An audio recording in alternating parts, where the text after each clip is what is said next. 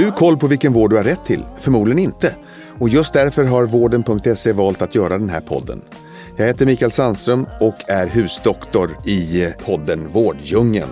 Jag får sällskap av andra experter inom vårdrelaterade ämnen och även gäster som berättar om sina sjukdomserfarenheter. Har du som lyssnar en fråga du vill ta upp i podden så mejla fragoratvarden.se. Med detta sagt önskar jag dig varmt välkommen till Vårddjungeln. Nu kör vi! Hej och varmt välkommen till ännu ett nytt avsnitt av Vårddjungeln. Jag heter som vanligt Staffan Gustafsson och är VD för Vården som eh, ju är en samlingsplats för att söka och boka all typ av vård. På vården.se hittar du all legitimerad vård och i den här podden så försöker vi utbilda just dig om vilken vård du faktiskt har rätt till. Och nu är vi inne i november och eh, kanske har du som lyssnar eller någon i närhet redan åkt på det som vi alla skyr som pesten, nämligen vinterkräksjukan. Och idag har vår alldeles egen husdoktor Mikael Sandström eh, med mig här i studion och kunna reda ut begreppen kring vinterkräksjukan. Så gärna, kul att vara här. Och eh, välkommen hit. Tack. Eh, ja, nu blev det ett ganska långt intro här och du har ju redan uppsjungen på vad det här ämnet gäller. Ja. Något som eh, kommer så här års. Ja, det gör det och det är samma förklaring där som till att det finns säsongsinfluensa.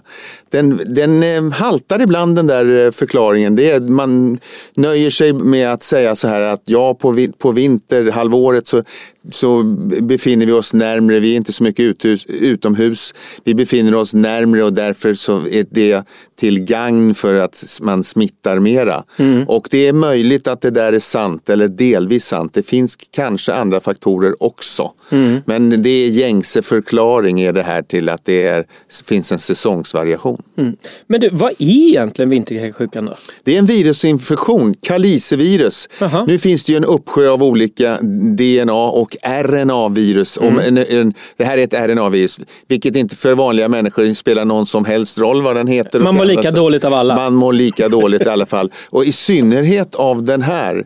Men det finns några lite um, speciella kännetecken. Mm. Den är extremt smittsam. Mm. Eh, och det, därför är det ett gissel. Eh, och det är den vanligaste formen som man har på sjukhus eh, av, av det som vi kallar för gastroenteriter eller, eller infektionssjukdomar som kommer och går väldigt kvickt och som mm. gör att man blir kräks så att man får diarré också. Mm. Eh, och en, en uppsjö av lindriga influensasymptom också. Men du, jag måste fråga dig, det var någon som sa det. Vi har, på kontoret så har vi alla barn i olika åldrar och det börjar ju komma nu det här. Ja. Eh, och då var det någon som sa att ja, men det smittar inte innan eh, fått ett utbrott. Alltså först du behöver gå på toaletten så smittar det inte, stämmer det? Alltså det smittar, man smittar när man, det är ju droppsmitta ja. eller kontaktsmitta eller luftburen smitta till och med. Ja det är det. ja och då menar jag att den luftburna är ju alltså det, det typiska symptomet som inte alla har men många mm. är ju kaskadkräkning. Det kommer så fort att det, det bara vräks. Man hinner knappt till toaletten. Och då, och då blir det luftburet som en aerosol, ja. som en liten dis och dimma av det där. Och de här viruspartiklarna, alltså en droppe kan innehålla miljoner virus. Mm. Och med, på grund av att det är så extremt smittsamt så kan det räcka mellan med kanske 10 eller 50 viruspartiklar att för att man ska få sjukdomen. Mm. Så att det krävs. Sen har man ju annat problemet. Sen så blir man sjuk i två dagar med, med magbesvär och, och fe, feber, allmän sjukdomskänsla, illamående och de här kaskadkräkningarna då. Mm. Och, och, eh, även lös i magen. Men sen tillfrisknar man. Mm man smittar ändå. Aha. Och det är därför man har som rekommendationer på, på um, eh, fritids till exempel att du ska ha varit frisk minst ett dygn. Eh, I skolan eller förskolan när man kommer bli minst två dygn. Mm. Du kan alltså mäta virushalter i, i avföring då flera veckor efteråt. Det betyder inte att det smittar hela, alla dessa veckor men det, det, är en väldigt, väldigt besvärligt. Så att har man väl fått det där så, så eh, måste man ju reda ut stormen helt enkelt. Men du, kan man smitta utan att vara påverkad själv? Till exempel, ja, halva familjen ligger utslagen hemma och jag går till jobbet. Eh, ja, det kan du om du, om du har tillfrisknat och du, eh, eh, när du är frisk så kan du alltså smitta ja. de andra. Det kan du göra. Men jag, kan inte, jag, jag, måste vara sjuk för att kunna få den här smittan. Så, ja, ja. så att jag kan gå opåverkad hemma och alla är sjuka utan att det debuterar själv. Liksom. Det är det vanliga att man har sjukan själv. Men det finns några människor som, man, man, som det inte tar på. Nej. Och det är nästan, det, kan man, det är en definitionsfråga. Är det här en genetisk defekt hos dem? Eller en genetisk variation? Det är nämligen så att var femte person har en sådana eh, ytegenskaper i tarmen att viruset inte fastnar. Nej. Så att man blir inte sjuk utan, och, då, och då blir du liksom bara, jaha, jaså, jag, nej, jag var, vart väl inte smittad då. Nej. Och då är man alltså man är inte mottaglig för sjukdomen. Intressant. En, en på fem nästan. Det är så många. Nej, men för jag har en jättenära kompis med Kalle. Han skryter ju alltid om att han aldrig får någonting. Nej. Och jag tror att han bara har en jäkla tur. Men det kan, kan vara en och en av fem. Ja, det verkligen. Så det, är nog, det har nog ingenting med tur att göra. Nej. Sen så kan det där, till saken hör nu när vi ändå är inne på smitta, att det smittar ju via livsmedel, det kan smitta via leksaker. På, på glatta ytor, handtag och sånt där kan det här leva kvar flera dagar upp till veckor. Bara för att man kan odla fram eller, eller visa, påvisa det ska jag väl säga, det är svårodlat. Men för att man, man kan visa att det finns på ett handtag så betyder det inte att det att man blir smittad två veckor senare. Men det dör inte av sprit. Nej. Okej. Eh, Så handsprit hjälper inte alls. Nej. Utan det är mekanisk rengöring som gäller. Så det är tvål. Ja, och då vill jag bara passa på att göra, förklara det enkla och självklara. Vad är det som händer när man tvättar sina händer jämfört med när man spritar dem? När man tvättar händerna så tar man tvål, man löser upp fettlagret, det som gör att vi är smidiga i så här. Och sen så förflyttar vi det bort med, och det är där viruset sitter, häller bort det eller eh, sk- sköljer bort det när vi tvagar våra händer under vatten. Så att man tar först vatten, löser upp eh, skiktet och sen förflyttar man bort det. Men sprit dödar ofta då yttre höljet. Dock inte i det här vad det gäller kalicivirus. Då. Så att det är olika saker som, som sker. Det dummaste man kan göra vad det gäller all smittspridning, om man nu ska tänka lite större, det är ju att man går på en toalett eller man gör vad som helst, vad man, eh, offentlig eller eh, privat eller vad du vill, tvättar sina händer, torkar dem dåligt, då s- tar de på ett handtag. Och sen nästa gör det med sin blöta hand. Då löser man ju upp det som är på handtaget. Just det. Istället, och då smittar man mycket mer och får smittan mycket lättare så att säga. Det hade varit enklare om det här viruset hade haft en färg så man hade kunnat se det. Ja, det hade varit mycket enklare. Men det är små partiklar det här. Ja. Men du, brukar du åka på det här själv?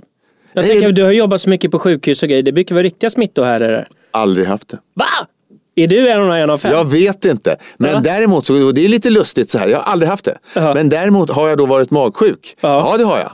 Men det finns ju matförgiftning. Jag kommer ihåg när jag jobbade som servitör i Gamla stan på, när, som st- student. Eftersom jag var, när jag läste medicin så fick jag inte jobba på sjukhus. Nej, nej. Därför att jag inte hade jobbat på sjukhus. Nej. Mycket märkligt resonemang. Men så, så jag har varit servitör. Det blir svårt att börja då. Ja. och så fick, jag då stanna, fick man äta gratis eh, det, det maten som blev över. Jag slog till med västkustsallad som hade stått framme Mm. en helt, ett dygn och vart då matförgiftad. Mm. Som alltså är en differentialdiagnos här nu då. Det vill säga eh, doktorns dilemma. Eller vad kan det annars vara om Mm. det nu inte är vinterkräksjuka. Det brukar vara rätt uppenbart att det är på förskolan. Men matförgiftning smittar ju inte andra i hushållet oftast va? Nej det gör det inte. Nej. Och det, och det är väldigt typiskt. Och är det någon har tagit av samma mat så blir den också, sjuk. Mm. Men då är det gift av olika bakterier Mm. som gör att magen blir sådär. Så det har jag haft. Men mig veterligen så har jag aldrig haft vinterkräksjuka. Men jag är väldigt bra på att tvätta händerna. Mm. Eh, Däremot så då som, som mässling och sånt där som också är ett virus är en av de andra sjukdomar som smittar enormt. Man behöver bara gå in i ett rum där det har Mm. funnits någon som har haft mässlingen som har gått ut för två timmar sedan. Du, du kan få mässlingen då. Mm. Så att det, är det är på den nivån det här. Men du, kan det vara farligt att ha vinterkräksjukan? Ja, det kan det om man inte är uppmärksam. För det är ju någonting som händer när man kräks. Man förlorar vatten. Och är det då små barn så är det ju de känsligare. Att vuxna skulle kräka sig till chocktillstånd, då måste man ju kräka en, en, en hink, 5, 6, 7 liter för att det ska vara livsfarligt. Men barn är det mycket mindre. Har man diarré också eh, så är det vätskeförlusten. Så det är det vätskeförlusten som är, är faran. Och det gäller ju de flesta andra sjukdomar. Nu måste man ju utesluta att det inte är sepsis eller, eller blodförgiftning eller andra saker. Men då är det då är det någonting att ta hänsyn till. Det vill säga att har man ett sjukt barn med torra blöjor, då är det varning på det. Mm. Ja men det där kommer jag ihåg själv när barnen var små. De åkte på det här att man fick mata med tesked med vatten. Ja. Ganska hög frekvens men Ja, precis. Men det är lite, och då, då, då klarar man sig ganska bra. ja. ja. Men du, eh, den kanske viktigaste frågan i hela det här avsnittet är ju eh, vad gör man för att undvika det här? Då? Man är noga med att ta reda på om det finns på förskolan eller inte. Man, och det är en utmaning ur eh, hu- hur man kan hantera sin hygien helt enkelt. Ett barn som kräks rakt ut eh, som är tre år gammalt är ju svårt och det är ditt eget. Det är ju, du måste ju hjälpa De tar det. inte hand om sig själv. Nej, de klarar inte det. Men då får man behålla det, hålla det inom eh, familjen och komma ihåg då att man ska in, inte låna till alla fall. Låna, vare sig låna eller låna ut leksaker. Till, då kan man sprida smittan eller få smittan. Är man det minsta lite sjuk och sånt där ska man ju inte laga mat Nej. åt någon annan än sig själv. Och veta om det här att det kan sitta på, så att sitta på, på olika saker och spridas med livsmedel. Så att vill man vara alldeles säker så måste man då isolera sig helt enkelt. Men nu har vi ju här ganska färskt. Det är lite så som man skulle göra om någon i hushållet fick corona. Den skulle ju hänga med sig själv. Ja, det är ju ganska intressant. För, Eller hur? Ja, det- vinterkräksjukan gick ju ner kraftigt. Ja, ja, visst. Ja.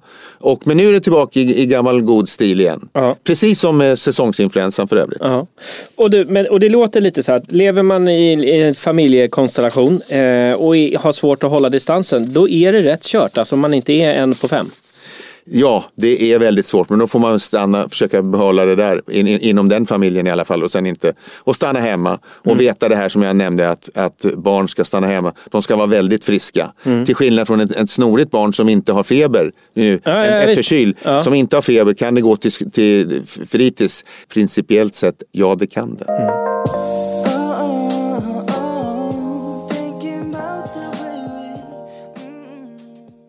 Hur lång tid tar det innan man insjuknar? Vad heter det? Inkubationstid? Inkubationstid. Ja. Ja, det är ungefär det kortaste 12 timmar till 48 timmar kan man säga. ja, det är så. Ja, Ja. och, då, och det kan ju röra till det då om man nu var det här magsjuka, alltså matförgiftning. Mm. Eller är det, men som sagt, man, då får man lista sig till det hela. För det kan, den kan ju gå ännu fortare, den kan ju gå på, för det är ju ett gift så det kan ju gå på några timmar då. Eh, så det, det, det är några saker man bör hålla, eh, vara uppmärksam på. Du, sista frågan på det här ämnet. Eh, det är, har du något extra starkt eh, minne eh, knutet till vinterkräksjukan? Jag har ju det från, från vårdavdelningar på sjukhuset, Lindesbergs lasarett, när jag jobbat när det liksom tre, tre avdelningar helt var eh, stängda på grund av vinterkräksjukan. Alltså. Ja. Tre, tre medicinavdelningar och man, man tog inte det där på allvar. Dessutom har jag varit med om det när jag jobbade på, som fartygsläkare i Västindien.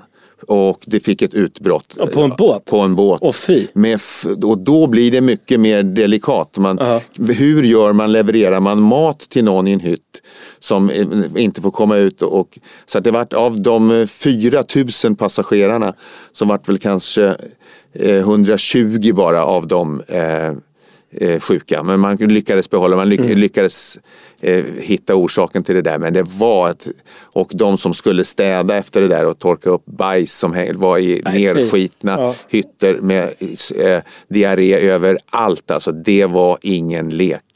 Det, vilket jäkla outro du bjöd på där. Ja. Jag ska, ska vi runda av det här ämnet? Jag tycker det. Ja, jättetack Mikael för att du kom hit och delade med dig om och berättar om vinterkräksjukan. Eh, och nu vet vi ju alla hur vi ska förhålla oss till det här. Ja, det var roligt att komma hit och det finns ju så många myter kring det här och jag tar, kommer gärna tillbaka och pratar ren hygien. Ja. Och kan, en liten teaser. Jag tappade en korvskiva på golvet.